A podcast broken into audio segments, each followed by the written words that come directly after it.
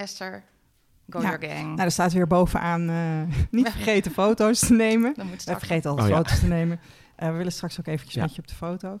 Ehm, we hadden het al voor de zomer aangekondigd. En vandaag is het zover. Julian Bushoff is eh, onze gast.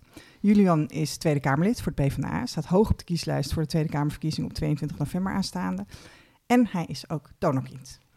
Eh, dat realiseerden we ons toen hij het woord voerde in de Tweede Kamer tijdens het debat over de wet donorgegevens kunstmatige bevruchting. Ehm, eindelijk weer eens een beroemd donorkind. Ehm, nou ja, deze episode is mede mogelijk gemaakt door Vium. Vium is specialist bij ongewenst zwangerschap en afstammingsvragen. Vium vindt het belangrijk dat het gesprek over donorconceptie gevoerd wordt en ondersteunt daarom gesprekken die we hierover met donoren en donorkinderen voeren. Vandaag dus onze eerste gast uit de politiek.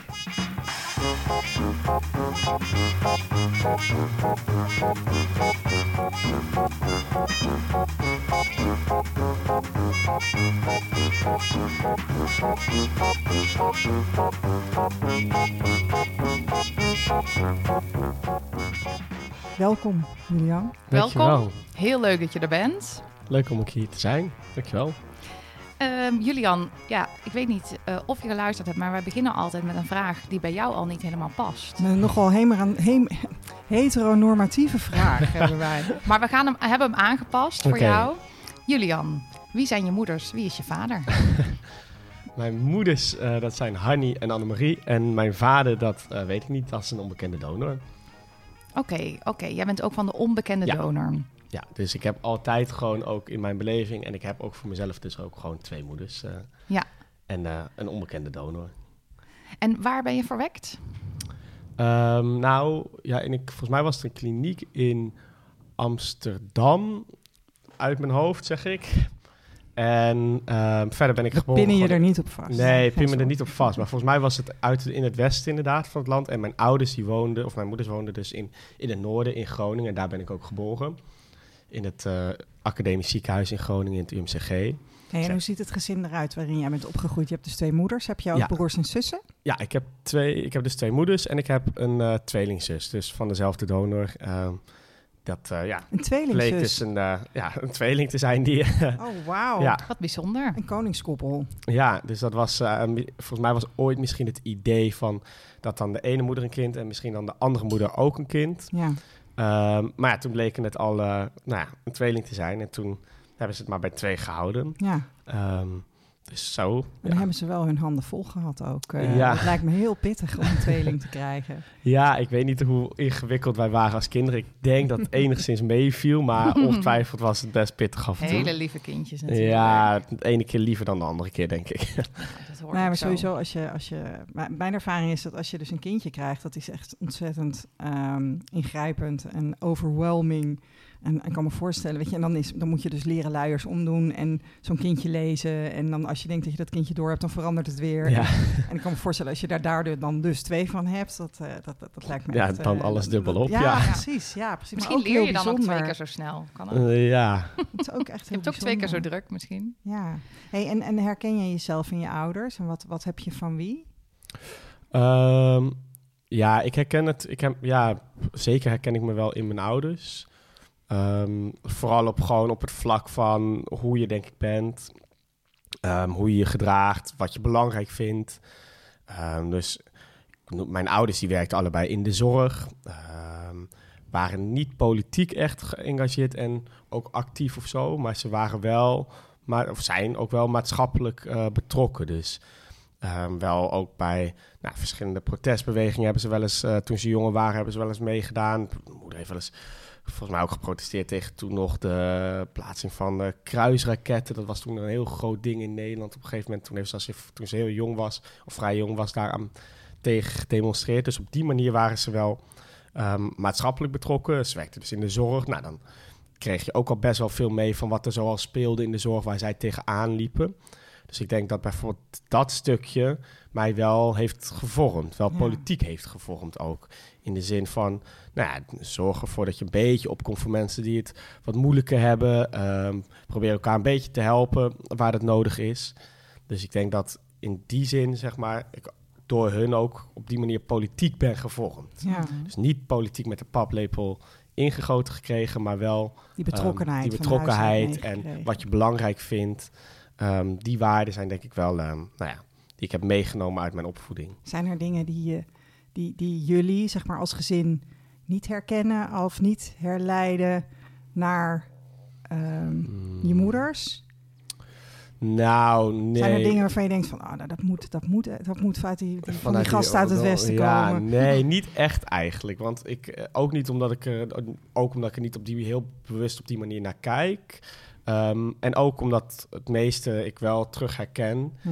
Ehm, maar het grappige is wel, mijn zus en ik zijn bijvoorbeeld heel verschillend in. ehm, we zijn echt heel op waardeniveau denk ik heel erg hetzelfde. Maar in hoe dat zich dan concreet vertaalt in de praktijk zijn we heel anders. Dus zij heeft helemaal niet zoveel met politiek. Maar is wel heel erg behulpzaam naar anderen toe. Werkt Ja. ook in de zorg nu. Dus Ja. wat je belangrijk vindt en hoe je in het leven staat, daarin lijken we volgens mij op elkaar. Ehm, hoe zich dat dan vervolgens concreet uit, daarin zijn we wel verschillend. Ehm, En jou, Maar- jou, want je bent behoorlijk elo- eloquent, hè? Je, je, je, je kunt goed praten. ja. Is dat iets wat je moeders ook eh, eh, hebben? Is dat iets wat je van Mm. huis uit hebt meegekregen? Nee, dat denk ik niet per se. Nee, nee dat is ook. Ik zit tegenover jou, ik Ja. ben bijna twee keer zo oud. En ik, zit, weet je, en ik denk, wauw, hij kan, Ja. hij kan echt goed praten. Ja. Ik vind het heel knap, hè? hoe Ja. je, dat, je, dat, je, dat je dingen zo kunt benoemen. En, eh, ja, nee, ik denk dat het. ehm, nee, het is niet iets wat per se vanuit huis uit is meegegeven. Dus ik denk wel dat je jezelf kan uitdrukken. Zeg maar, mijn zus kan zich ook wel uitdrukken, maar op een heel andere manier. En die is niet zo, is ook niet bezig met op die manier, zeg maar, Ja. spreken. En het is ook bij mij een deel van mijn werk. Dat je, ja, nou dat ja, je goed kunt praten. ja, dat je goed Ja. kan praten en dat je iets over het voetlicht kan brengen, iets kan verwoorden. Ehm, dat hoort er ook een beetje bij. Ja. Het is Ja, dus het is zeker een niet het belangrijkste en zeker niet het enige, maar het is wel een belangrijk onderdeel ook van het werk in de ja. politiek. En was dat voor jou al heel lang duidelijk dat jij de politiek in wilde? Hmm, nou, nee, als kind wilde ik eerst profvoetballer worden, zoals heel veel jongetjes van mijn leeftijd. Ik heb ook lang gevoetbald, maar ik was zeker geen profvoetballer. Ehm, ik wilde ook wel kok worden, dat leek me ontzettend leuk. Eh, ik heb ook lang in de horeca gewerkt, dus ik had ook wel eens de droom van een eigen café gewoon beginnen. Dus zo zijn er heel veel dingen geweest eigenlijk die ik misschien wel had willen doen. Mhm. Nog steeds misschien wel ooit zou willen doen. Ja, En ik zit nu in de politiek, wat ik ontzettend leuk vind. je Ehm, mag ook nog allerlei andere dingen doen. ja, het leven duurt ja, nog heel dus lang. ik vind het ontzettend leuk om nu in de politiek te mogen zitten. Ook een voorrecht om in de Tweede Kamer te mogen zitten. Ook blij met mijn plek op de lijst dat het er naar uitziet dat ik dit, nog, dit werk nog een tijdje mag voortzetten. Ja. En tegelijkertijd is, ehm, nou ja, ik heb wel eens een uitspraak gehoord van iemand dat politiek is een soort, eh, ja, een soort geleende fiets. Op een gegeven moment geef je het ambt weer terug en dan ga je weer iets anders doen. Ja. En dan zijn er ook heel veel andere dingen die ik leuk zou vinden in het leven om te doen. Gelukkig maar. Ja, Wat, voor- wat, wat, wat- heb, je, heb je een droom als je later Nou, groot bent? Wat je dan, ja ik, eh, wat ik net zei, ik vind een eh, café, ik vind de Ja. horeca heel leuk, dus ik zou best wel terug willen in misschien de horeca aan het werk. Ehm, in Groningen? in Groningen, zeker, ja. Groningen is wel echt mijn stad waar ik geboren ben, nu ook woon en ook wel graag blijf wonen nog. Ja. Ehm, maar ik heb ook wel op een wat latere leeftijd de ambitie gehad om misschien ooit in de internationale humanitaire hulpverlening te gaan werken. Dat is niet per se leuk, maar ook wel, nou, leek me wel interessant werk en ook wel een zinvolle bijdrage die je kan doen. Ja. Dus Mm. in de crisishulpverlening bijvoorbeeld, hè, nu zie je dat er een, eh, nou ja, die aardbeving, die verschrikkelijke aardbeving in Marokko, die heeft plaatsgevonden. Dan moet er noodhulp op gang komen. En ja, er zijn organisaties van het Rode Kruis tot andere organisaties die zich ja, bekommeren om zulke soort crisissituaties. Ehm, ja, en dan moet ja, zo'n noodhulpprogramma op gang worden gebracht. En dat lijkt me wel ook heel mooi werk om misschien te mogen doen. eh. Ja. Dat is iets Maar- organisatorisch eigenlijk, hè? meer Ja, dan- het leek mij heel divers. Want dan zou ik wel ook echt ter plekke, dus niet vanuit achter mijn computer alleen maar hier Ja. in Nederland, maar echt ter plekke daar ook naartoe willen. En dan komt er een stukje ja, organisatorische, gewoon heel praktisch werk bij kijken van wat is er nodig, hoe gaan we het regelen. Maar ook een stukje nou ja, politiek, diplomatie, want soms is het Mhm. heel ingewikkeld met landen die helemaal geen hulp van buitenaf willen Ja. accepteren. Je Of ziet je nu moet- ook, hè, Marokko staat vier landen op dit Ja, moment toe om te helpen. Nederland Ja, zit nog, staat nog niet op die lijst. Nee, dus dat is heel ingewikkeld soms. Dus er Ja. komt dan ook politiek en diplomatie bij kijken, internationaal recht. Ehm, nou ja, dus er komt heel veel bij kijken. Eh, en dat lijkt me juist ook wel heel, ja, leuk is een beetje ingewikkeld woord in deze, maar dat lijkt me qua inhoudelijk werk wel heel leuk om te En doen. mooi. En dus ook heel zinvol. ja. Dus, maar ik Ja. weet niet of me dat is... eh, ik bedoel, dat moet je alleen doen als je ook echt een, iets kan toevoegen. Dus Ja. ik, dat is de vraag of ik zinvol daar nu iets kan toevoegen in dat werk. Maar goed, Ehm, voorlopig ben je waarschijnlijk nog goed. even Ja, eh, betrokken druk in. Den Haag. Zeker. Ja. Hey, en, en- terug naar het feit dat jij donorkind bent. Hè? Ik, ik, krijg, ik, ik proef een beetje dat ehm, die donor... Mhm. dat die op dit moment geen, niet echt een rol speelt in, in jouw Klopt. leven. Nee, Kun- Wil je daar wat meer over vertellen? Ja, hoe dat voor ja. jou is? Nee, kijk, mijn, eh, ik ben dus gewoon opgegroeid met het idee van twee moeders. Wel in de wetenschap dat ik dus eh, ja, een, een donorvader heb. Ja. Maar voor mij was het eigenlijk altijd ehm, iets heel vanzelfsprekends dat ik twee moeders heb. Teg- en tegelijkertijd ook iets privés. Ik bedoel, ja, je gezinssituatie is iets wat jou en jouw gezin aangaat. En verder niet per se, wat mij betreft, altijd op de voorgrond hoeft te, te zijn. Ehm, dus het is zowel dat ik het feit dat ik twee moeders heb voelt als, en voelt als iets privés, maar vooral als iets vanzelfsprekends. Ja. Dus ook op de basisschool, als mensen er al naar vroegen, dan was het antwoord: ik heb gewoon twee moeders. En Ja. dat is wat voor mij ehm, normaal is. Ja. En ik denk dat waar je als kind mee opgroeit, dat dat ook is wat dan voor jou als kind doorgaans de Ja. norm is. Ja. Ehm, wetende dat je misschien op latere leeftijd wetende dat je enigszins van de norm afwijkt. Maar, want de norm Ja, is nou ja, dat omdat de meeste meer- kinderen ja, de meeste- gewoon een gewoon vader en een moeder hebben, ja, zeg maar. dat- zoals, jij gewoon twee moeders hebt. Ja, exact. Ja. Ja. Dus dat is niet zozeer omdat dat... Dat is anders, maar ja, de norm is in die zin gewoon dat de meeste mensen hebben twee... Ja. Of we hebben een vader en een moeder. Ehm, maar ja, voor mij was en is het normaal dat ik gewoon twee moeders heb. Jij zegt van dat is eigenlijk best privé, hè? Mhm. Ehm, ik, ik, ik ben dat met je eens. Ehm, en wij hadden het er vanmorgen nog over dat we onder de indruk waren van jou Mhm. in het debat in de Tweede Kamer over de wet donorgegevens kunstmatige bevruchting. Want Toen deelde Ehm, jij iets heel privés. toen deelde jij iets heel privés, want jij vertelde eigenlijk op dat moment van joh. eh, Ja, het was niet de eerste keer dat ik het heb verteld in dat debat in de Tweede Kamer. Het was eigenlijk was het. ehm, ik- ik vind het dus iets privés ehm, en iets vanzelfsprekends. En ik vind het ook niet iets om, eh, vond ik ook altijd, om altijd maar eh, mee op de voorgrond te treden. Want het moet gaan over de inhoud van wat Ja. ik vind en niet. Ja, ik vind iets van die wet over de donorgegevens.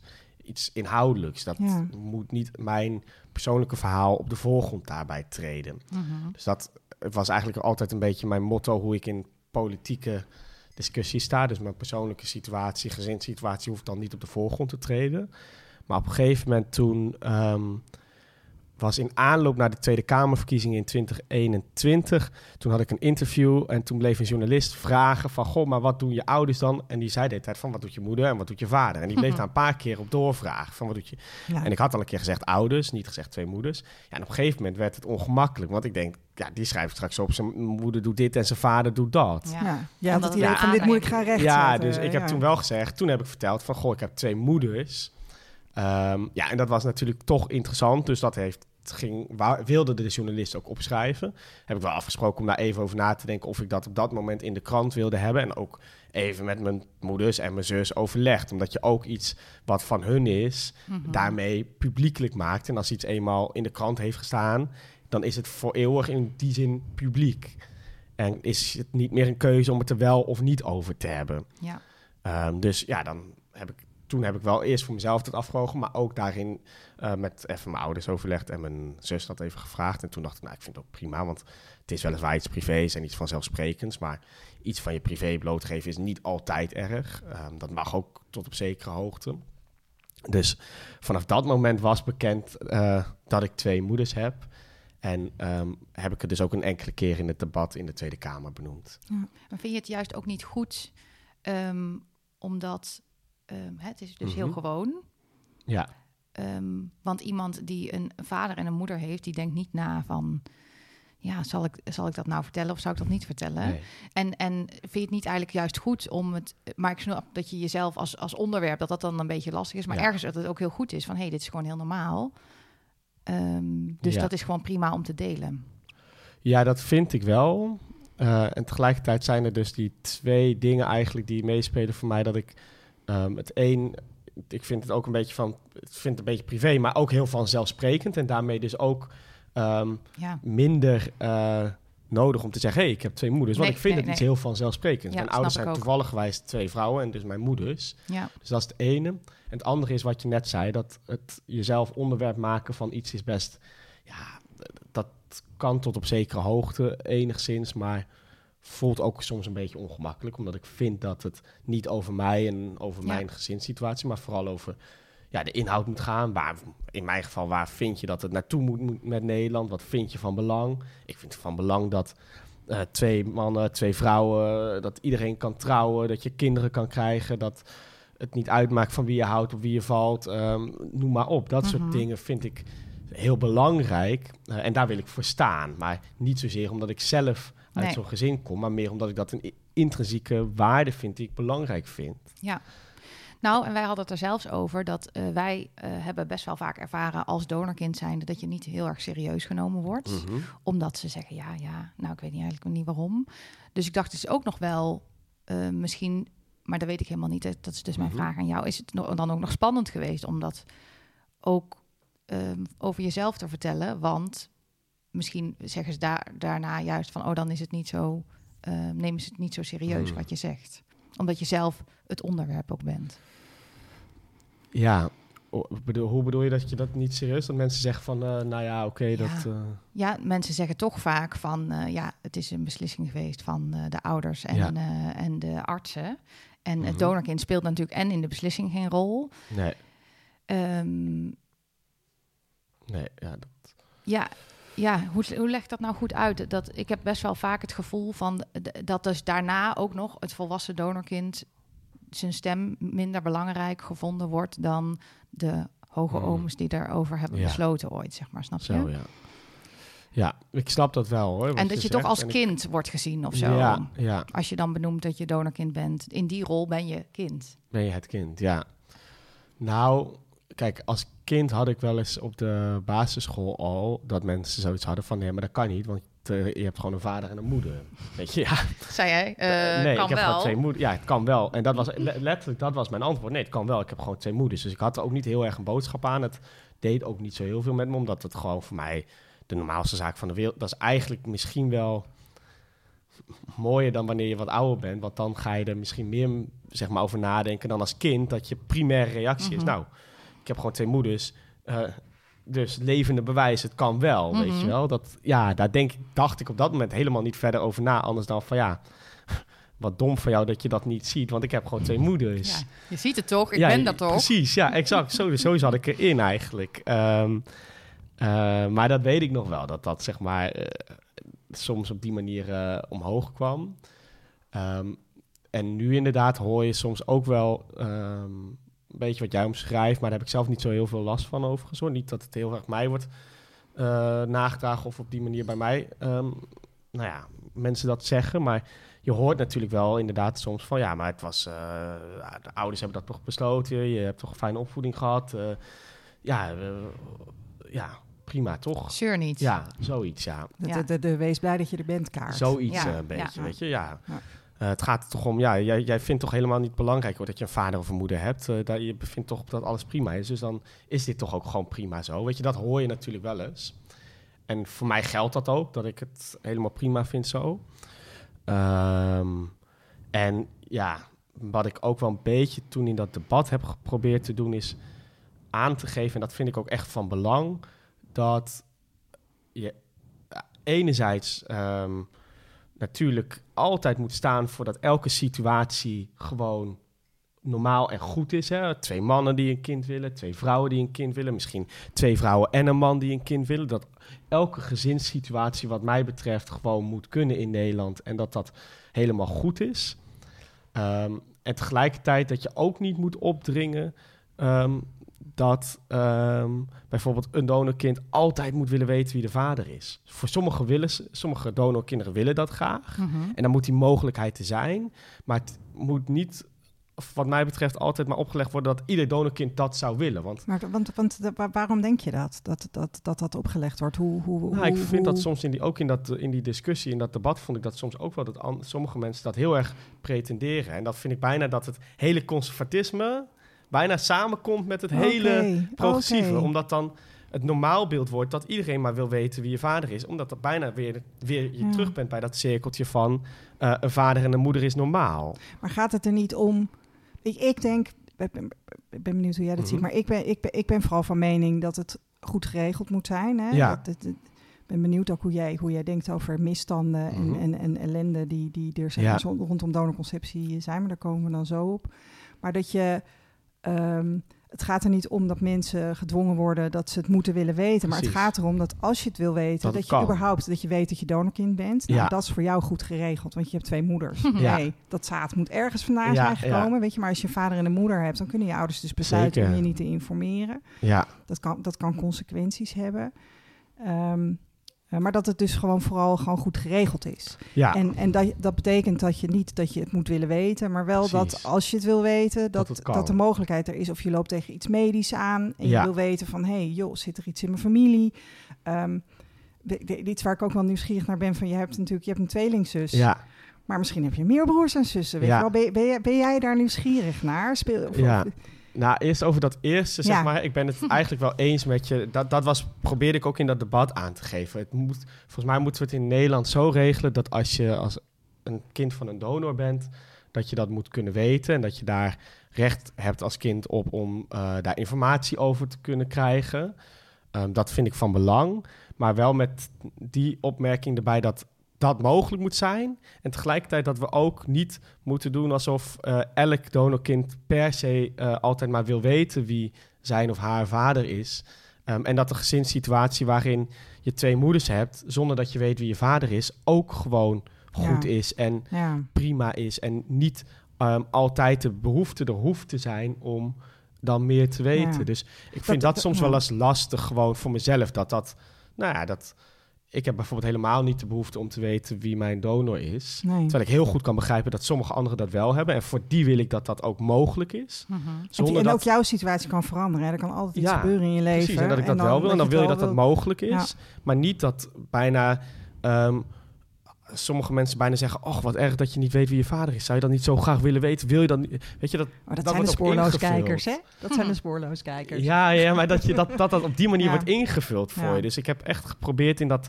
Want de maak je dat wel Kamer eens mee, wat je nou Ja. zegt? Dat wel. En dat vond ik soms ook wel een beetje in het politieke en maatschappelijke debat over deze discussie. Soms ook wel een beetje naar voren komen. Dat je aan de ene kant heel kwalijk ehm, hele conservatieve partijen en mensen hebt die zeggen van eh, het zou überhaupt niet moeten kunnen, want je hoort gewoon een vader en een moeder te hebben. En aan de andere kant mensen die zeggen nee, eh, alles is mogelijk. Maar nee, je moet altijd willen, natuurlijk wil het kind altijd weten wie de vader is. En Ja. dat is ook niet zo. Dus het, het moet mogelijk zijn. En de belangrijke nuance is dat ja, de ruimte is om, nou ja, als je dat wil weten wie je donorvader is, om erachter te komen. Maar dat ook helemaal normaal is als je dat niet wil en Ja. gewoon twee moeders hebt in mijn geval. En dat, Mhm.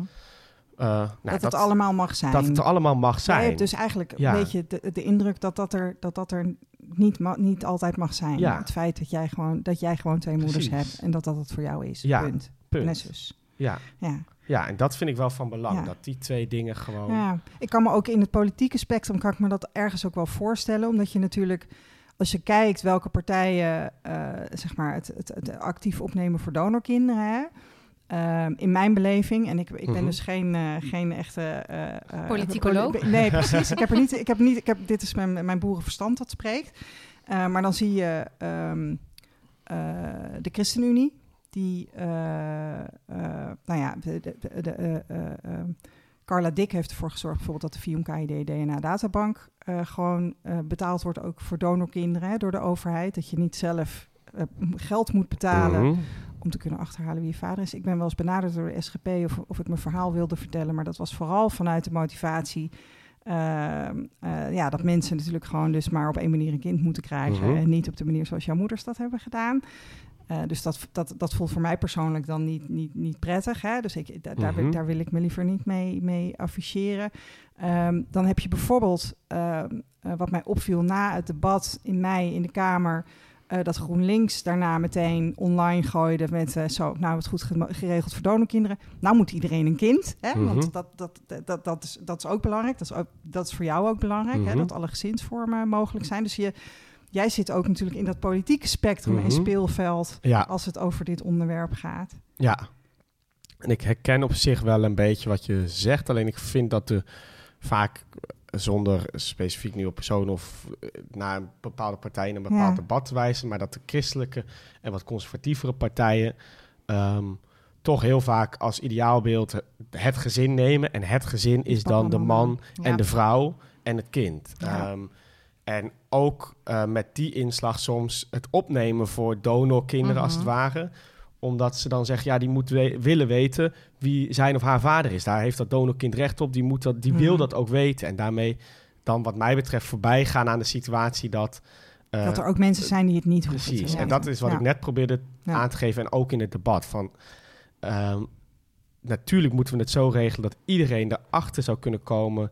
Hè, gegevens zou kunnen krijgen over nou ja, waar je vandaan komt.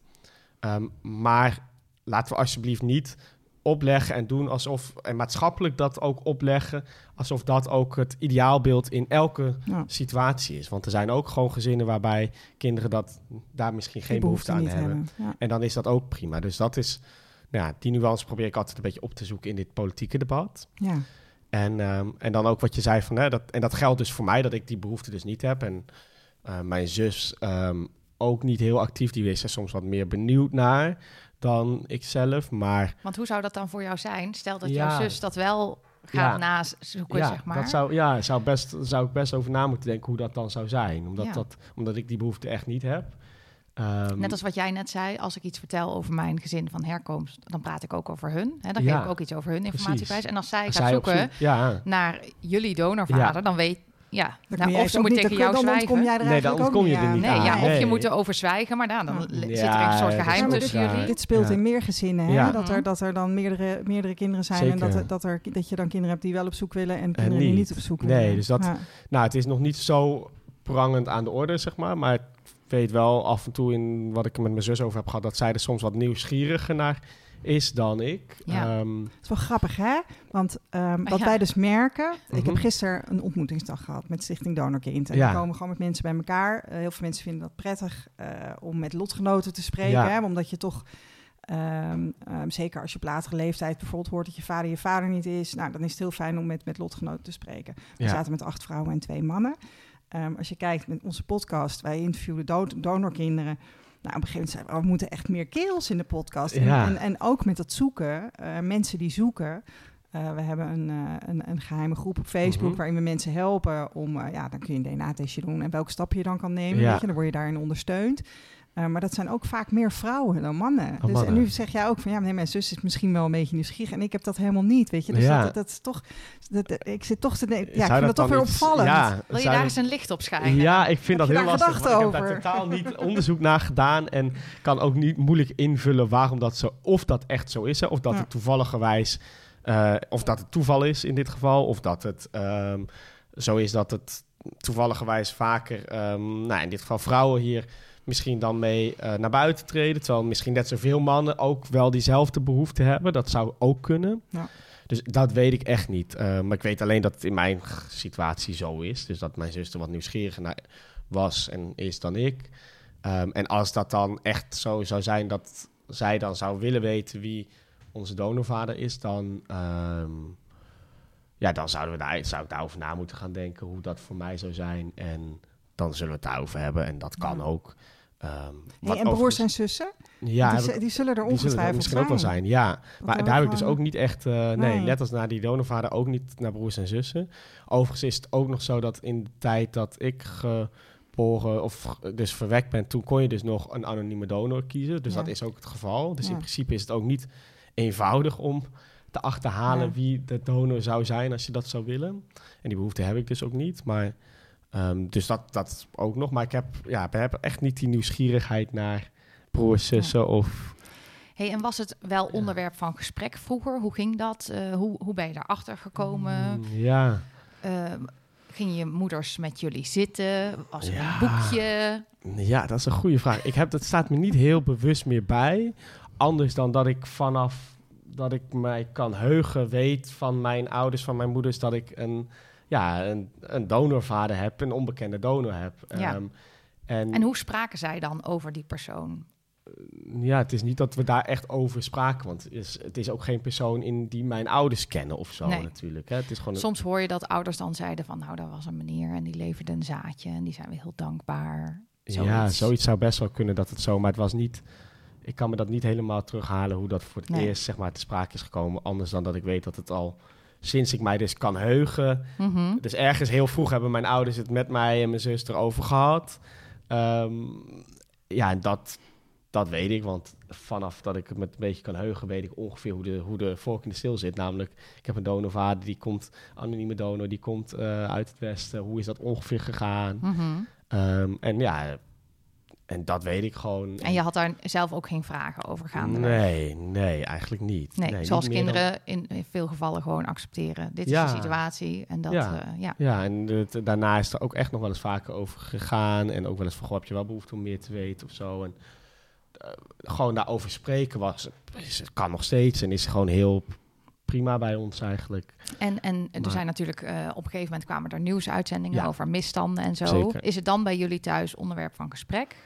Nou, toen, eh, ik denk dat dat met name was toen mijn zus en ik al allebei al net uitgevlogen waren. Dus dan kom je niet meer s'avonds uit school thuis en dan heb je het er op die manier niet over. Maar toen is het wel eventjes erover gegaan natuurlijk. Van, hé, hey, doet het nog wat met je? Of Waar, Mhm. waar, waar- wat gebeurde er toen? Wat, wat, wat was toen de aanleiding? Was Ja, dat kwaad? Of, eh, Ik denk dat even een tijdje, dat was de, dat is alweer een tijd terug, eh, een aantal jaar geleden, dat een van die eh, doktoren zelf eh, heel veel kinderen heeft Ja. verwekt. En dat was toen veel in het nieuws. Nou, en dan ja, er was, een was ook een documentaire ja, over. was een documentaire en- over. En dat is denk ik nu al best wel een aantal jaar geleden alweer Mhm. dat dat naar buiten kwam.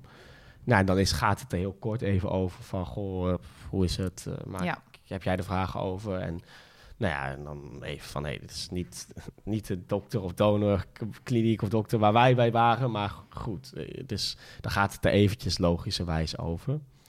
Ehm, maar ja, het is, ik, denk, ik, kan me heel goed voor, ik kan me heel goed voorstellen dat voor heel veel, in heel veel verschillende situaties, je hebt heel veel, of je kent je vader misschien wel, zeg maar je biologische vader, of je kent hem niet, of je bent het pas later, heb je het gehoord. Dus ik kan me heel goed voorstellen dat het voor iedereen weer heel anders is Zeker. Ehm, ja, de behoefte om dingen te weten of het erover te hebben. En bij mij en in ons gezin is het vooral ja, een heel vanzelfsprekend iets dat je twee moeders hebt. En is dat Ja. dus wel even dat er telkens iets aan bod komt, maar ook niet een heel groot iets wat op de voorgrond ligt. En waren er meer kinderen op jouw school of in jouw omgeving die twee moeders hadden of een donorvader? Of Was het, een moeder. Ja. was het soort van, was het normaal? Of je- Ja, ik ken, nou, ik ken bijvoorbeeld wel, jawel, het was wel normaal hoor, want ik ken ehm, een meisje uit mijn klas die had eh, wel een vader en een moeder, maar zeg maar een biologisch vader die ze kende en die ook dus echt wel haar vader was geweest, maar ja, eigenlijk niet echt meer contact veel meer had en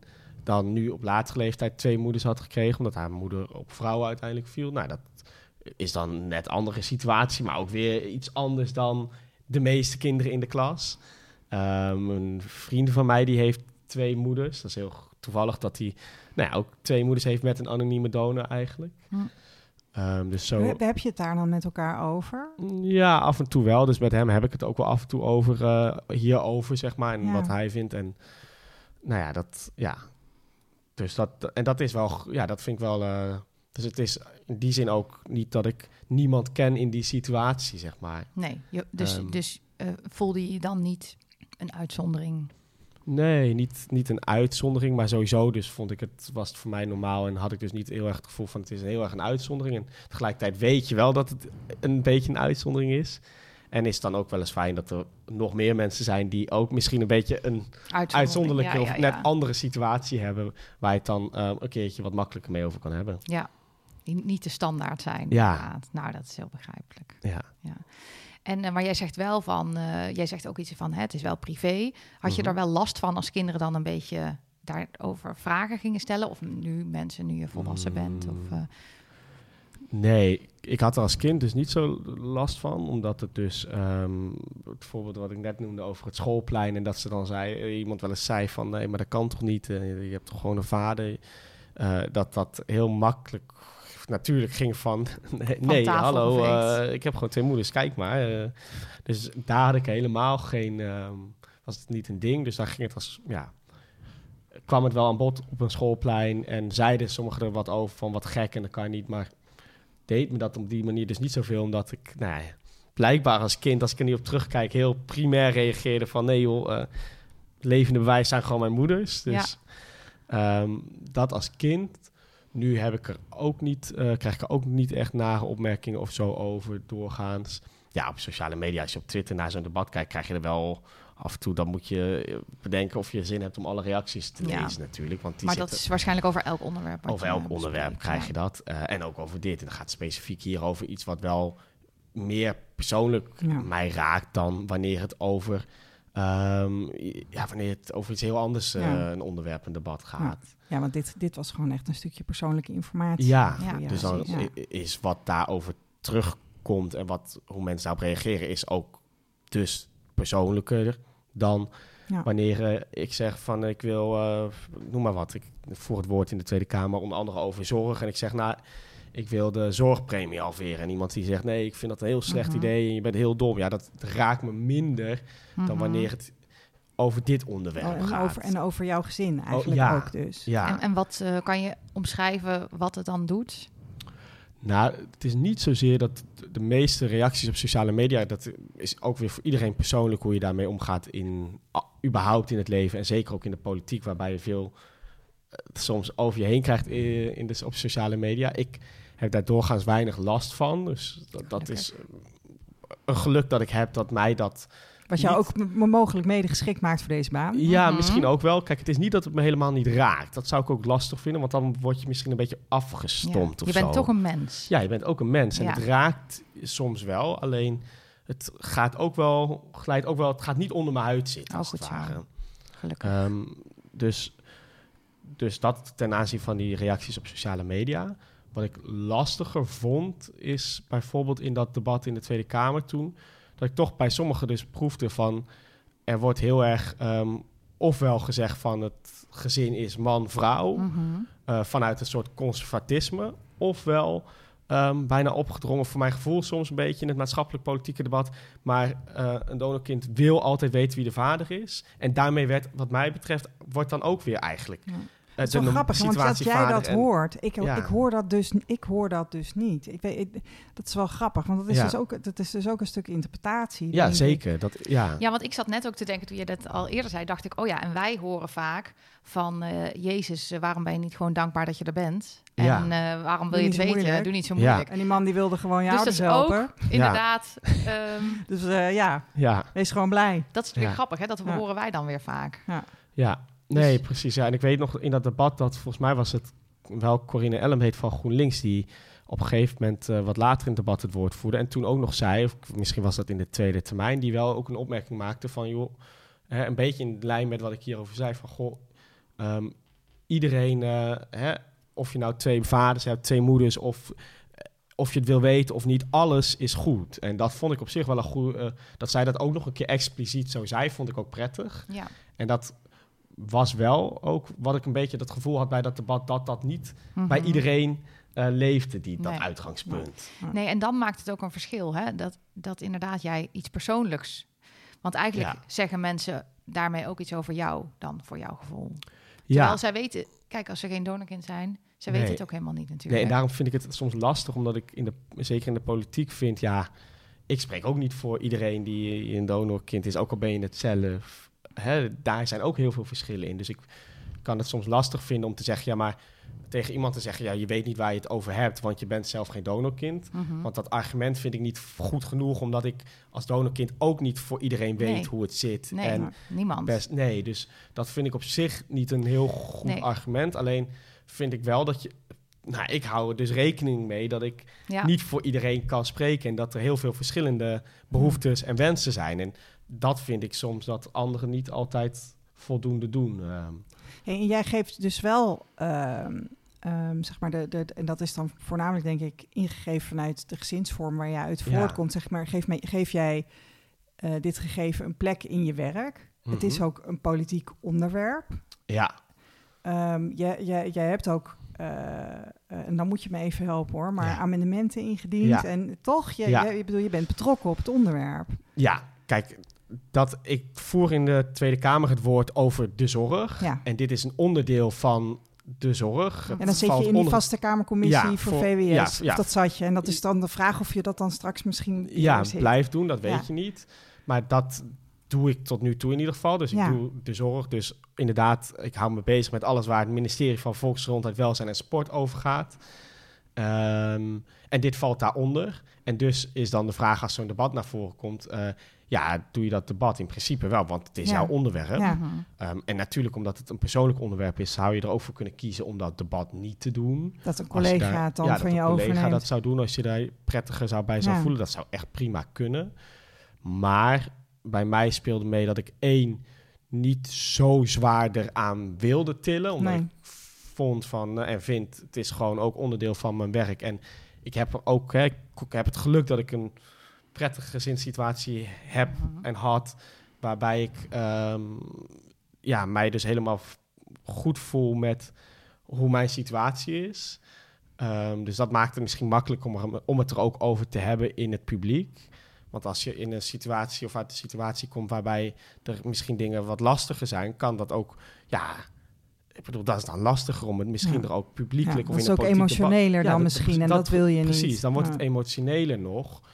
Ehm, dus ik had op voorhand het vertrouwen erin dat het niet dusdanig emotioneel voor mijzelf zou zijn dat ik zo'n debat ook kon voeren. Want als Ja. je bang bent dat dat niet lukt, dan is het misschien wel verstandig om te zeggen: ik wil het niet voeren. Of juist wel. Hè, dat, maar dan is die afweging nog wat gewichtiger dan dat die Ja. in dit geval bij mij was. Maar ik vond het ook weer niet, en dat vond ik misschien achteraf of tijdens of rondom dat debat, dat het me iets meer raakte dan ik had voorhand had verwacht. Denk Ja, dat ik. kan je ook niet altijd misschien van tevoren inschatten. hè? Nee, dus dat en wat was, was, wel- wat, wat, wat was dat dan?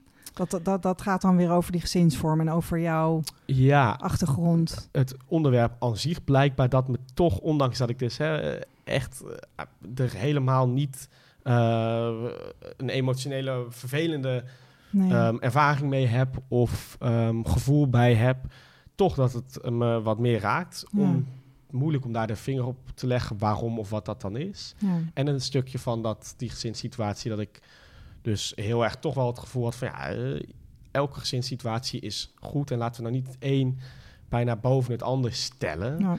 En dat ik dat gevoel wel een beetje dus kreeg en heb bij sommige partijen Ja. en ook in dat debat voor een deel dat gevoel kreeg. En Heb dat je- raakte ja. me dan ook een beetje, maar verder ook een beetje moeilijk om aan te wijzen waarom. Want je, hebt amendementen raakte. ingediend, hè? Dus je was, ik bedoel, je, je, Ja. je, probeerde ook de wet beter te maken. Ik- Kun je daar wat over vertellen? Mag Hoe ik heel werkt even nog Ja, heel even ja. één, één dingetje vragen, Ja. eigenlijk hierop inhaken? Want jij zegt, ehm, had, had je ook het gevoel dat je het voor je moeders moest opnemen eigenlijk? Want eigenlijk was je ook ehm, hè, bijvoorbeeld tegen bijvoorbeeld een partij als eh, de, de christelijke partijen, Mhm. ja, die zeiden eigenlijk soort van, die staan niet achter ehm, de gezinsvorm waar jij in bent opgegroeid. Had je dan ook nog het gevoel van, ja, ik sta hier eigenlijk ook loyaal te zijn aan mijn moeders? En was dat ook iets wat dan raakte? Nou ja, een klein beetje wel, denk ik. Dus wel het punt van dat de gezinssituatie misschien er niet zo zou mogen zijn van sommigen, of niet, en als ze dat niet expliciet zeggen, eigenlijk het niet wenselijk vinden en eh, dat ook toch wel in toon, in wat ze zeggen, naar voren komt. Mhm. Ehm, zonder dat ze echt ook voor een deel kwade bedoelingen hebben, eh, gelijk om te zeggen: nee, jij mag er niet zijn. Hoor. Dat zullen ze zeker niet Nee, bij nee. ChristenUnie zeggen. Alleen hun ideaalbeeld is anders. En daarmee Precies. zeg je toch ook iets over wat je Over vindt. Jouw van, moeders ja, ook, hè? en dat vind ik dan wel, vond, vond ik en vind ik wel lastiger. Ik vond het heel Ehm, lief wat je deed. Dus Want ja, ik, ik, ik, ik, vind We hebben zitten ik- kijken natuurlijk, hè? dat snap je, ja. Julian. En, weet je, en tegen het eind was ik echt niet meer zo scherp. Maar Mhm. het begon met jou, zeg maar. En ehm, het, was, dat, dat- het was heel mooi en lief. Eh, zo, ervaarde, zo ervaarde ik het. oké. Ja. Ja. En, en, en ehm, ik denk dat waar, waar, waar, waar de tegenstelling misschien een beetje zit, is ehm, ehm, zeg maar de, de, de, de, de rechten van donorkinderen. Mhm. Ehm, weten dat je donorkind bent en informatie kunnen achterhalen. Hè? Dat- Die, die, die twee dingen zijn denk ik het belangrijkste. Ja, Versus inderdaad uh, iedereen, hè, het recht op gezinsvorming. Hè? Of Ja, het, de, toch? Dat, precies. dat, dat is dan de, ja. een beetje de, de, de, de tegenstelling. Ja, de, maar dat is maar een schijnbaar tegenstelling volgens mij. ja, soms wordt het het punt van weten dat je een donorkind bent en het recht op informatie wordt soms een Ja. beetje, voor mijn gevoel, bijna misbruikt door zeg maar Mhm. De wat conservatievere ja. krachten in de samenleving. Ja. ehm, om te zeggen. Om, Om te zeggen- zorgen dat niet iedereen een ja, kind dat krijgt. zeggen ze van ja, dat, Ja. die hebben Ja, dat. ja. Het gaat om het kind, die heeft dat recht. En dat Ja. vind ik ook, alleen vanuit een ander uitgangspunt. Ik vind dat het kind het recht heeft, maar niet zozeer met het idee dat er een man en een vader in het leven van dat kind zou moeten Nee. zijn. Nee, omdat dat het beste voor het Ja. kind zou zijn. Wat Ja. wel vanuit nou, andere ja. eh, groepen nee, soms wordt genoemd. Ja. En als het dan gaat over die wet, vond ik dat de wet die nu voor ligt inderdaad ook tekort schiet op een aantal punten. Namelijk dat er nog steeds, er werd nog steeds niets, ge- eh, zeg maar de leeftijdsgrens die er in de wet nog steeds ingebouwd zit, ehm, op waar, eh, die, die bepaalt vanaf welke leeftijd je meer recht hebt op informatie. Die vond ik niet goed, omdat toch wel lang, hè, het is een heel best ingewikkelde discussie. Moet je volgens mij ook nou, zo goed mogelijk kijken hoe je daar nou, ja, met onderzoek recht kan doen aan Ja. nou ja, wat het beste zou zijn voor Ja. iedereen. Want er was net onderzoek En er bekend was net geworden. wel onderzoek bekend geworden dat toch wel volgens mij vrij zorgvuldig aangaf van misschien moeten we die leeftijdsgrenzen toch wel voor, tot op zekere hoogte eh, loslaten. En ik vond dat de wet daarin te conservatief bleef. Dus dat probeerde ik met een, zoals dat dan heet, amendement, Ja. Mhm. een wijzigingsvoorstel te veranderen. Dat, dat Ehm, dreigt nu controversieel verklaard te worden, volgens mij. Het staat op de lijst van de week om te stemmen. Ja, ik zal dat zo nog eventjes dubbel checken. Maar ik denk dat die wet niet controversieel wordt verklaard. Oh, Denk ik, Oké, maar dan nou, moet ik- dat, moet ho- dat hoop ik. Moet ik even dubbel checken. Ik kan het zo gelijk nazoeken op ja. mijn telefoon. Voor het einde van de Ja. podcast kan ik dat nog even doen. Ehm, maar dat was één van de wijzigingsvoorstellen. Een ander wijzigingsvoorstel, en dat vond ik best ook wel van belang, is dat je donorkinderen registreert. Volgens Ja. mij eh, is dat niet zo gek, omdat... Julian, jij zit zo op één lijn met ons. Ja, ja hoe kan dat toch? Wij ja. vinden dit zo belangrijk. Ja. Ja, en dat, dat vond ik ook wel. Ik vond de argumentatie om dat niet te doen, vond ik ook niet sterk. Want Nee. de argumentatie was eigenlijk een beetje tweeledig. Eén, het is onnodig, want we regelen het op een andere manier in theorie wel dat het kind. eh, counselen mensen dat ze met hun kind moeten Ja, praten exact. en zo. En, ja. dus- en het was juridisch moeilijk. Of het was überhaupt Ja. uitvoeringstechnisch moeilijk. En ja. dat tweede is volgens mij gewoon Het is politieke onwil. is onwil, denk ik. Mhm. Want het kan, denk ik wel. Eh, Er zijn best wel vormen te verzinnen op het moment dat je aangifte doet van de geboorte van een kind, wat iedereen in Nederland verplicht is om te doen. Hè, dat is ook een registratie van dat een kind geboren Ja. is. Zou je daar niet een koppeling mee kunnen maken dat dan geregistreerd wordt? Hè? Ja. Of het een kind van een donor is. Als of de niet. wil er is, dan is het niet zo heel ingewikkeld Nee, dat was ook mijn gevoel. En ik vond ook de argumentatie dat het niet nodig zou zijn, die vond ik echt. Ja, daar was ik het gewoon mee oneens. Dus Maar ik, Eh, waar ik heel ja. even nieuwsgierig naar ben, hè? ja, Wij hadden voor de, voor de eh, eh, bespreking van de wet, vorig jaar mei was dat Mhm. volgens mij al, Hm. want het, het werd steeds uitgesteld. Hè? ja, ja. Eh, toen toen hadden wij, hebben wij een podcast gemaakt Mhm. met huiswerk voor Tweede Kamerleden. En toen Mhm. hebben wij geprobeerd om in een kwartier drie punten die verbeterd moesten worden nog aan dat wetsvoorstel, om die zeg maar Lukte over het voetlicht te brengen. kwartier. Nou ja, we, we hadden wel, we, we hadden in ieder geval ons best gedaan, weet je wel, want we Ja. praten Snel normaal inderdaad langer. ja. Ehm, En maar heb je, heb, jij die, heb je dat gehoord? Nee, ik heb die podcast niet gehoord, maar het- ik ben wel benieuwd wat die drie dan waren. En Ja. in ieder geval was Nou, dus het ene was dus de we wilden ze even met jou doornemen, Het tweede ja. was dus het registreren van. Het, het- ja, kinderen en één, het- één was inderdaad registreren. Het recht Ja. op afstammingsinformatie. Ja. Hè, dat je dus ook weet dat je donorkind bent. Ehm, nou, een, een register voor echt alle donoren. Mhm. Omdat we natuurlijk eh, Ja. met, met, met, massadonoren en ook donatie buiten klinieken. En weet je... eh, Dus niet alleen eh, Nederlandse donoren, maar ja, één ehm, register voor alle Gewoon donoren. één register voor, voor, voor alle donoren. eh, zodat je ook als je particulier met iemand in zee gaat... kunt zien dat hij, ehm, dat hij misschien nog heel veel kinderen heeft. Ja. Ehm, het aantal donoren per, wereldwijd, het aantal eh, kinderen wereldwijd per donor beperken. Mhm. Omdat je, je kunt, eh, je hebt dus, eh, er wordt veel gebruik gemaakt nu van, Ja. van, van bijvoorbeeld Deense donoren. Mhm.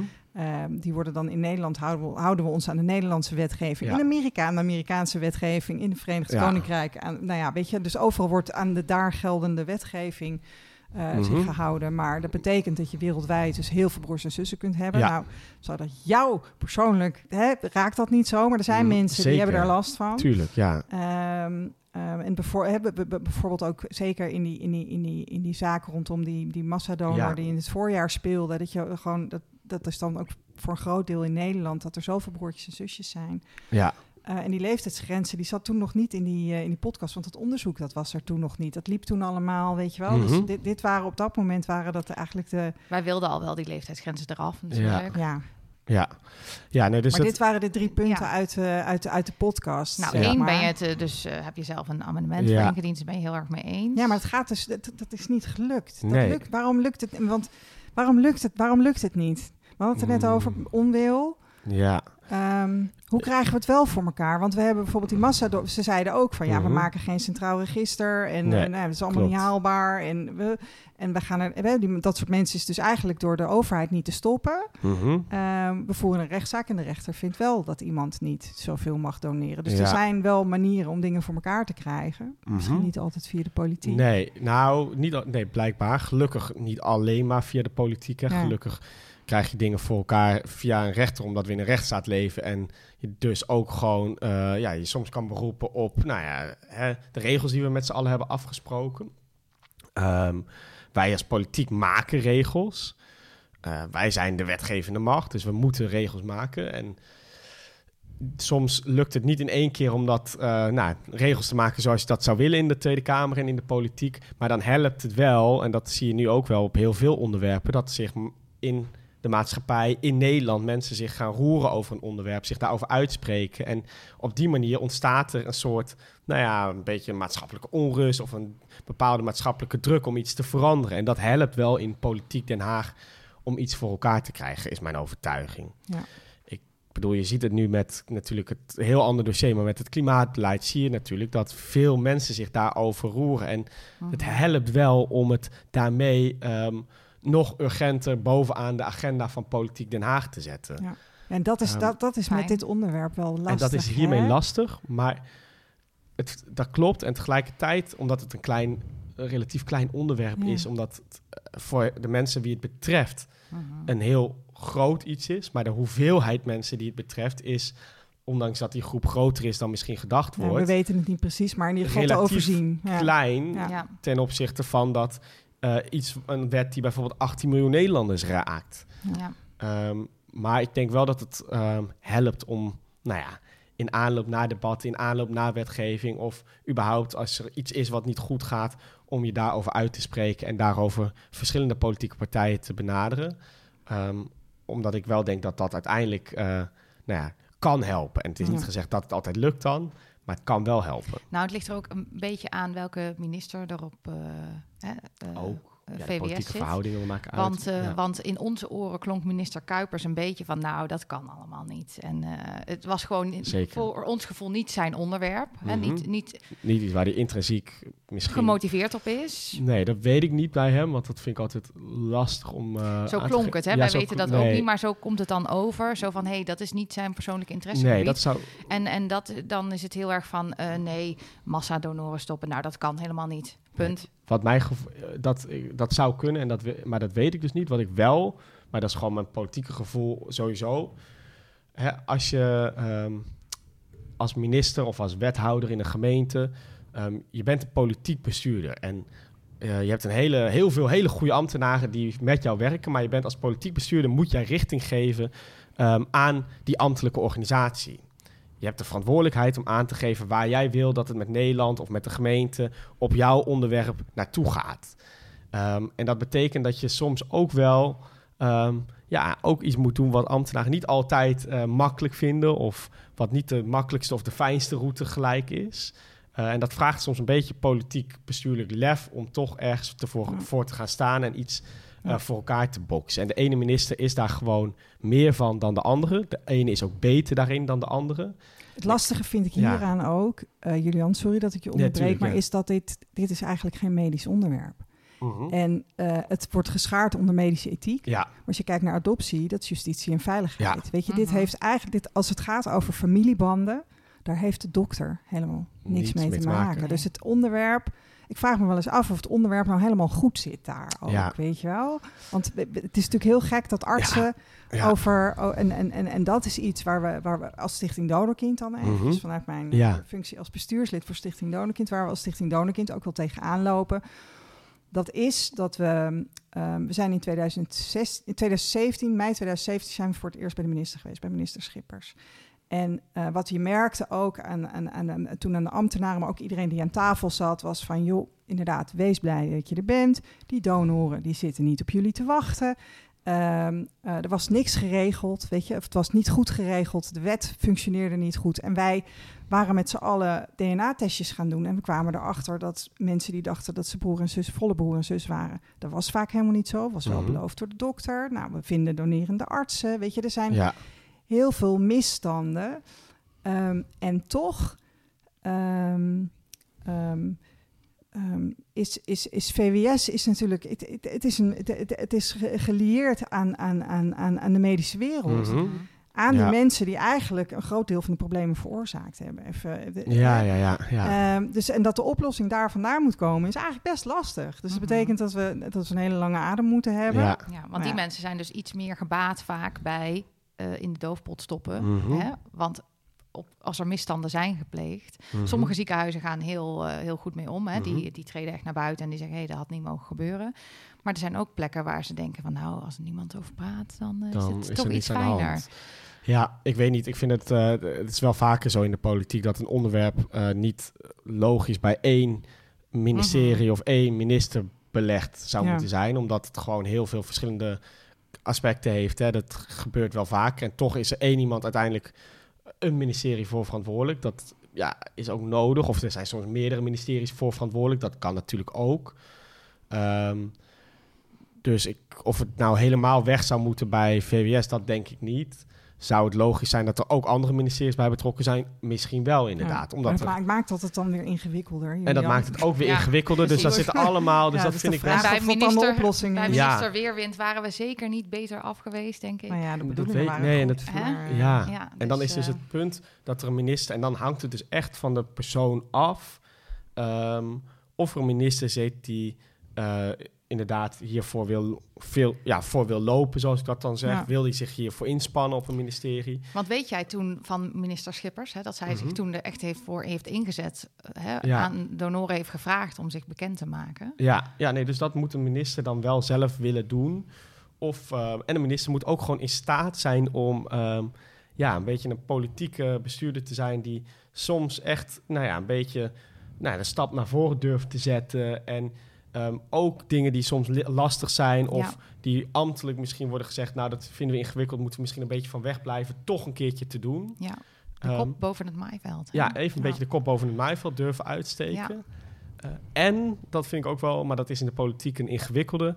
Um, het vasthouden aan het eigen gelijk. Een minister gaat gewoon heel vaak het debat in met de opdracht blijf zo dicht mogelijk bij wat wij hebben voorgeschoteld. Mm -hmm. En zorg dat je op elke manier, met elk woordkunstje, uh, zo min mogelijk toezegt om daarvan af te wijken. Ja, ja, ja. En dat was in dit geval, vond ik ook wel zo bij minister Kuipers, dat hij aangaf van, ja, uh, hè, het is... Uh, het is best wel een beetje, uh, ik snap het, ik voel wel mm -hmm. mee, ik kan ook wel een beetje meeleven, maar ze is moeilijk. Mm -hmm. En nou, ik ga er nog eens naar kijken. Dus hij bleef heel dicht ja. bij wat op zijn blaadje ja. voorlag, door ambtenaren opgeschreven, blijf bij het initiële wetsvoorstel. Mm -hmm. ja. Um, ja. en dan zit iedereen heel hard te werken en heel erg zijn best te doen. En eigenlijk weet je van tevoren al, ja, nou, ik, had, ik, ik, was, ik was dus na die avond van dat ja. debat was ik best wel verdrietig. Ja. Want we hebben, uh, uh, we hebben natuurlijk geprobeerd om invloed uit te oefenen. Maar we zijn ook maar een stelletje gekkies. Hè? We zijn mm -hmm. ook gewoon maar vrijwilligers. Ho, ho. ho, ho. En, uh, Helemaal niet voor mezelf Heel gezond, nee, uh, mentale, gezonde volwassenen, uh, ja. Nee, maar dat weet je, dus, dus we, we, zijn, we zijn allemaal vrijwilligers. Uh, iedereen gewoon vanuit, vanuit betrokkenheid probeert ja. daar iets aan te doen, weet je wel. Iedereen werkt fulltime en dan doe je dit een soort van probeer je dit erbij, probeer je wat voor elkaar te krijgen. En dan is het gewoon heel rot om te zien dat ook, ook als jij zo je best doet nog daar, dat, ja. dat het dus gewoon, ja, dat er dingen lukt. niet lukken. Nee. Dat er dingen niet lukken. En die leeftijdsgrenzen, dat is uiteindelijk, is, heeft de minister toen toegezegd van, nou, ik ga daar wel gewoon naar kijken. Hè? Ik, ja. ik kom erop terug. Ja, nou, dat is geen nee. Af, ja. ja. Maar die, dat, dat register voor donorkinderen, dat... dat, dat, nee, uh, dat is een nee, inderdaad nee. nog. Nee, dat klopt. Dat is, ook, dat is af en toe wel frustrerend in de politiek. Dat je best, hè, ik heb best ook wel, maar dat hoort er ook bij hoor. Dus ik vind niet dat dat, uh, ik bedoel, ik vind het, de uitkomst vind ik vervelender dan ja. het feit dat, het, dat ik ergens aan werk wat niet lukt. Want ik bedoel, dat hoort er gewoon bij. Ehm, maar You dat can't win uitkomst... them all. Nee, exact. En dat is ook prima. Alleen, eh, ja, ik kan wel teleurgesteld zijn over dan de uitkomst, omdat het voor mensen eh, wel wezenlijk iets betekent of het wel of niet lukt. Ja. Mhm.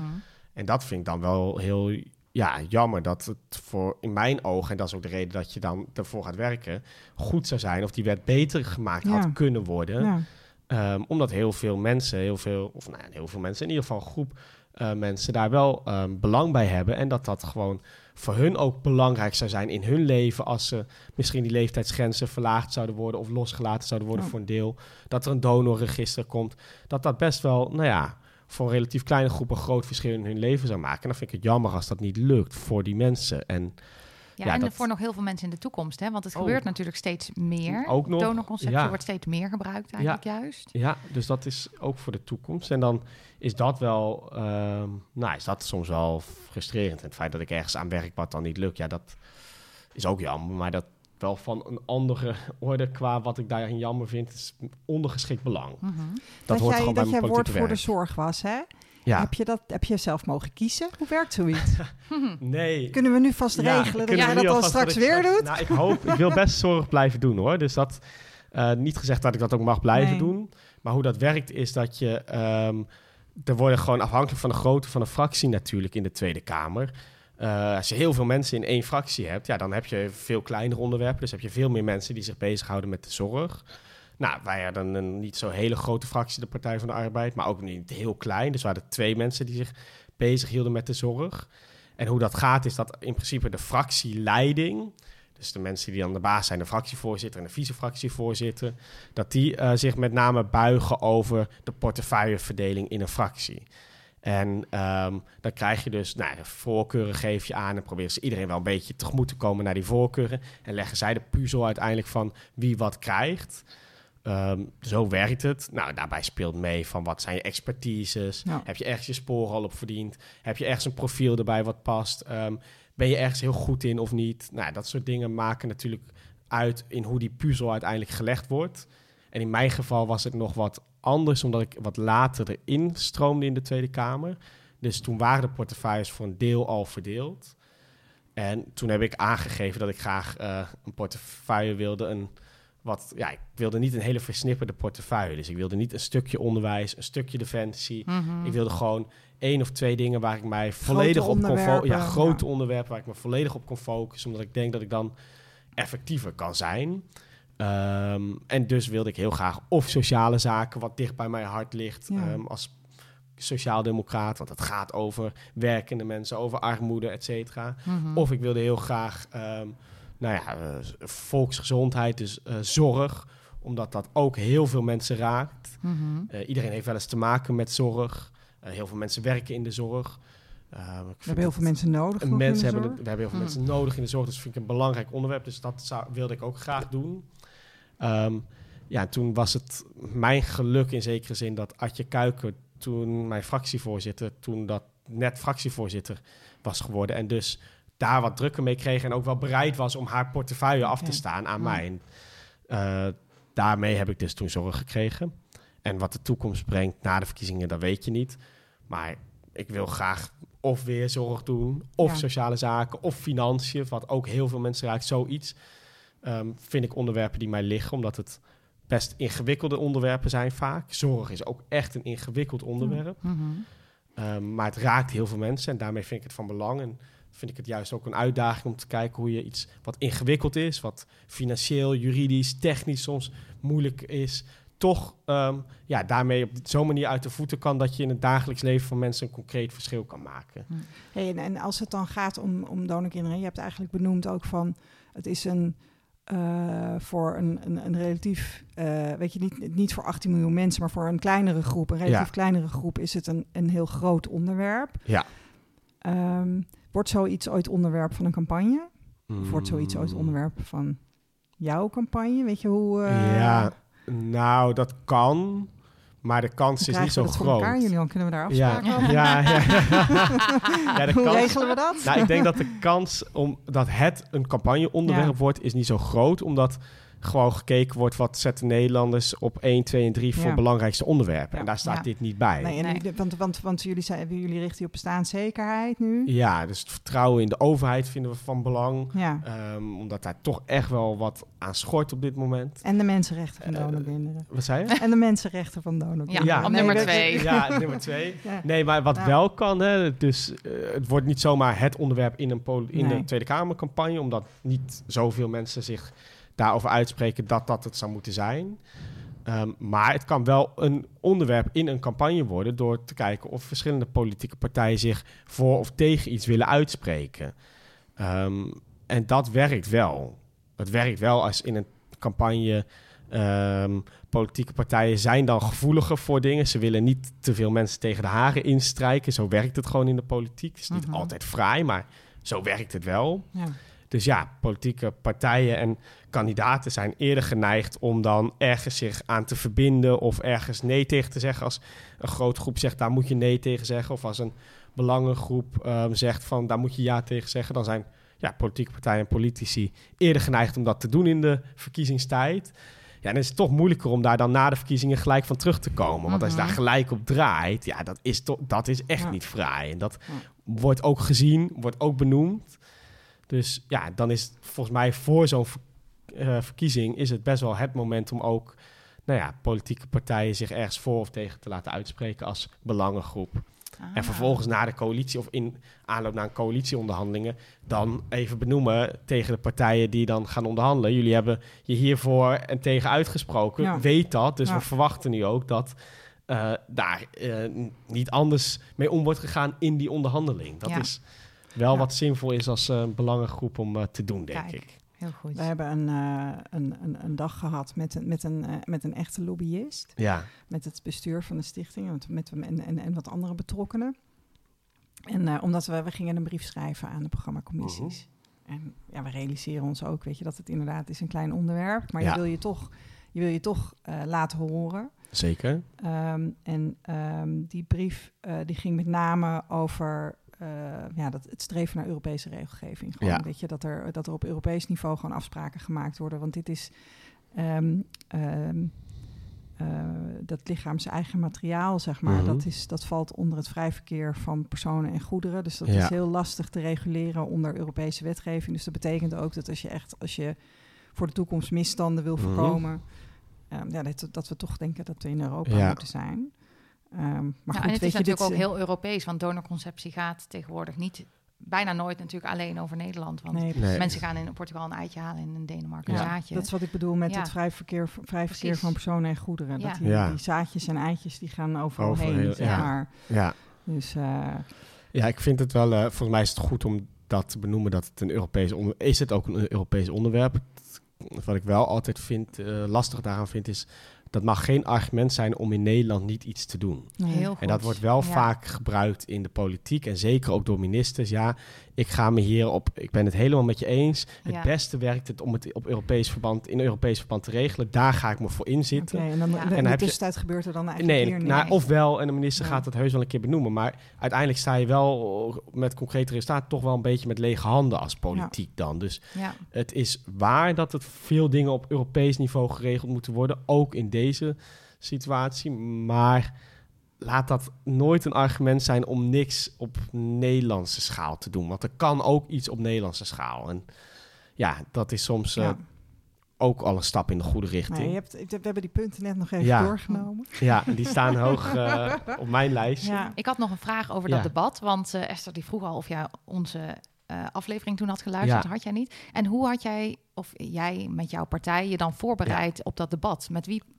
gaan dan, waar gaan jullie informatie halen? Ja, nou, dat is natuurlijk het werk van, eh, ja, als volksver je bent politicus, maar je bent volksvertegenwoordiger. Dus, eh, en ik ben geen specialist op alle onderwerpen in de zorg. Dat kan ook niet. Dus de kunst is ook wel dat je dan eh, naar buiten toe gaat, met me- of veel überhaupt buiten komt, buiten die plenaire zaal en mensen spreekt. En zeker als het bepaalde onderwerpen betreft, dat je dan gewoon daarover contact zoekt met mensen. Dus dat had ik ook gedaan. Dus ik had via de... Ik ken wel wat mensen die dus in dezelfde situatie zitten als mij of net een andere, maar een beetje vergelijkbaar. En daar heb ik mee gesproken. En ik heb ook vanuit hun, eh, soms uh, hebben, heeft iemand mij ook een nummer aangedragen van... hé, hey, deze moet je ook nog even spreken. Die heeft daar ook veel zich mee bezig gehouden. Dus zo heb ik al met al in aanloop naar het debat best wel wat mensen gesproken... die ik soms al kende en soms door mensen die ik kende werden aangedragen... om het daarmee over te hebben. En daarom hoor je verschillende perspectieven... En dan Wat, je, heeft, ja. heeft een, een belangenorganisatie als Stichting Donorkind, staat die dan op je lijstje? Nou, die heb ik ook natuurlijk. Hebben ook mijn contact. Hebben, volgens mij hebben, die ook, hebben jullie mij ook allemaal dingen we, gestuurd. We hebben brieven. En, hebben jullie mij brieven gestuurd. En ook volgens mij heb ik, uh, denk ook nog wel eventjes contact daarover gehad. En zeker ook na dat debat hebben wij contact gehad. Ja. Um, en dat nog voor de stemmingen. Dus het moment dus dat er iets zou kunnen veranderen natuurlijk. Dus dat zijn dan de, de, ja, de mensen waarvan je dan op hoe ik mij probeer voor te bereiden op zo'n debat. Door dus verschillende groepen en verschillende mensen te spreken. En ook vooral, en dat vind ik wel belangrijk, natuurlijk de um, belangenorganisaties, maar ook de mensen die het zelf betreft. Naast mhm. in dit geval dan toevalligerwijs mijn eigen situatie. Ook de mensen die het betreft dat je die spreekt. Um, dat vind ik in elke situatie belangrijk. Ja, hè? Of niet nou... alle donorkinderen melden zich natuurlijk bij Stichting Donorkind. Dat is en ook, zo. Nou ja, maar ook omdat je gewoon het zelf van iemand soms wil horen, het verhaal. Niet alleen het standpunt uh, van een belangenvereniging, maar gewoon het verhaal van iemand zelf. Ja. Mocht, je, mocht je daar ooit behoefte aan hebben. Um, we hebben uh, um, een groep met donorkinderen, er zitten 800 mensen in. Ja. Um, daar kun je heel actief aan deelnemen. Je kan, ook gewoon, je, je kan er ook gewoon zijn. Ja.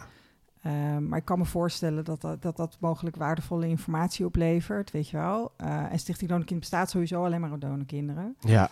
Um, en en, en um, ook mensen in allemaal verschillende situaties. Dus um, in ons bestuur uh, zitten op dit moment ook twee kinderen van uh, gewoon twee moeders. -hmm. um, dus de, de, de, de, onze voorzitter is toevallig ook donor.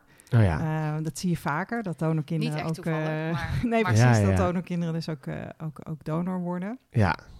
Um, nee, maar mocht je, mocht, je dus, mocht, je, mocht je betrokken willen zijn op het ja. onderwerp, nee, dan, dan, dan, dan kunnen, we, dat, dan kunnen we dat regelen. Ja, dat, nee, dat is fijn. En ik denk dat het ook, dus dat is en een fijn aanbod en ook wel waar ik misschien wel gewoon dan ook wel gebruik van wil maken. In de zin dat het mij helpt, um, politiek gezien, om gewoon mensen te spreken van, met verschillende verhalen. En het zijn vooral de verschillende verhalen van mensen die mij vaak uh, nou, of raken en daarmee dus motiveren om iets te doen, of die mij het meeste um, nou ja, helpen om iets te verzinnen wat je zou kunnen ja. doen of hoe je iets zou kunnen verbeteren. Ja. Dus het is ook, ik vind het sowieso wel vrij waardevol. Um, het is niet iets plichtsmatigs dat ik afloop, zeg maar, om mensen over bepaalde onderwerpen te spreken in aanloop naar een debat. Um, het is ook echt, en dat is keer op keer word ik daarin bevestigd, helpt het echt om mm -hmm. je uh, gewoon een betere lijn te kiezen ja. in het debat, dus een beter standpunt te bepalen. Het helpt ook om soms hele goede ideeën op te halen van wat je zou kunnen doen.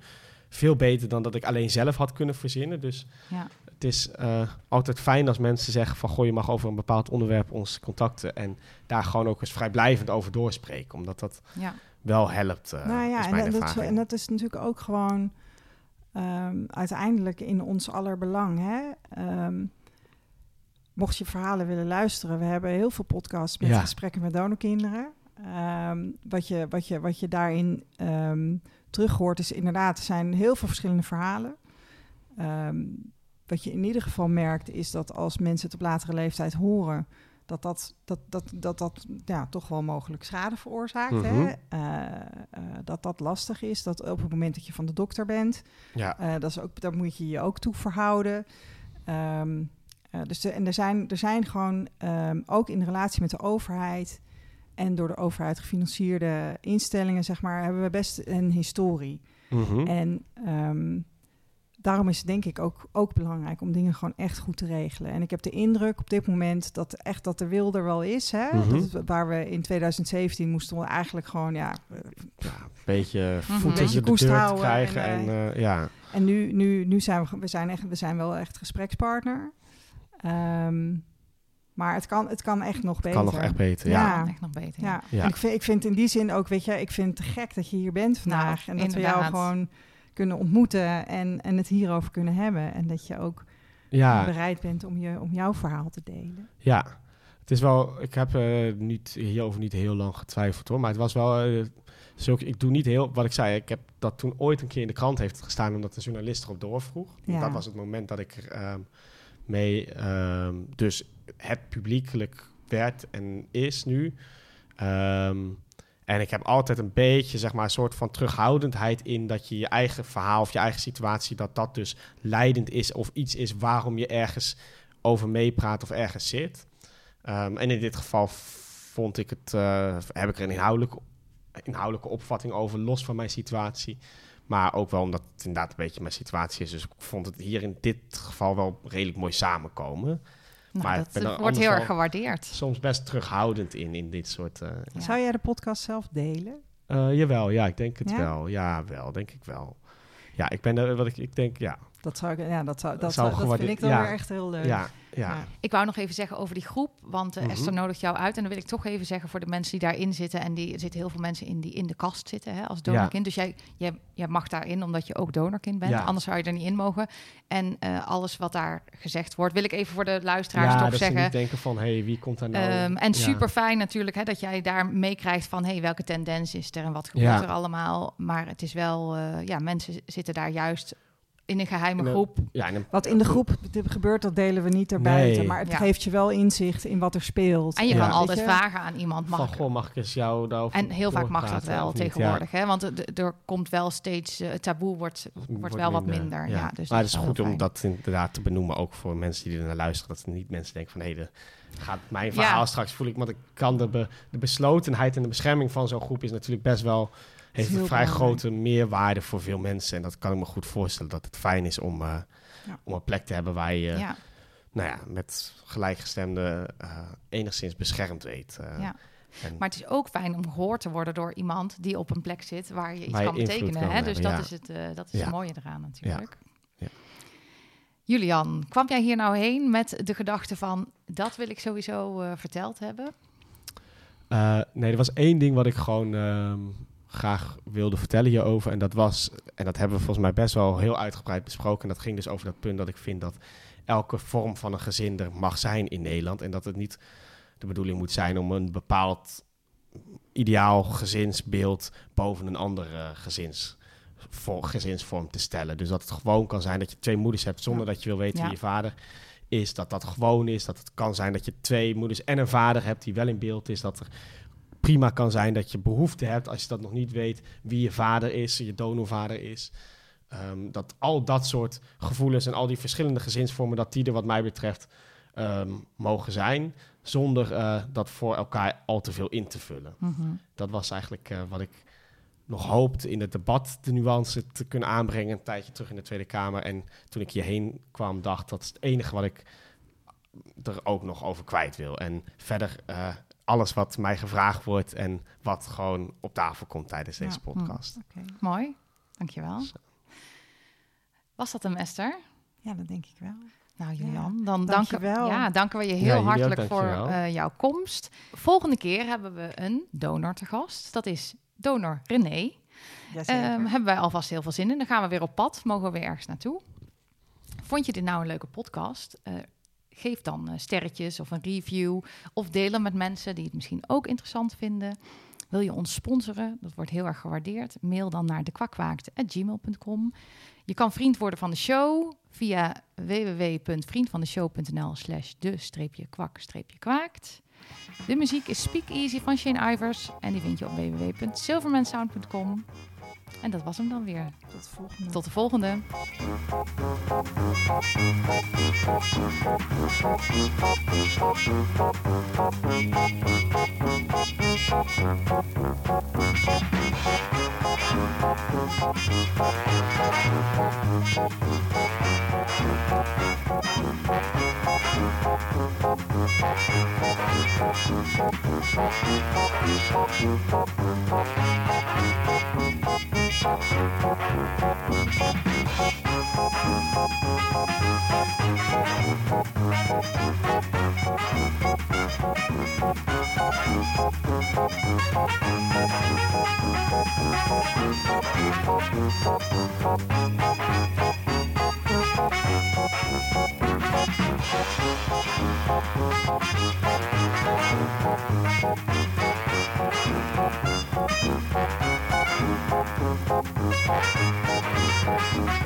Thank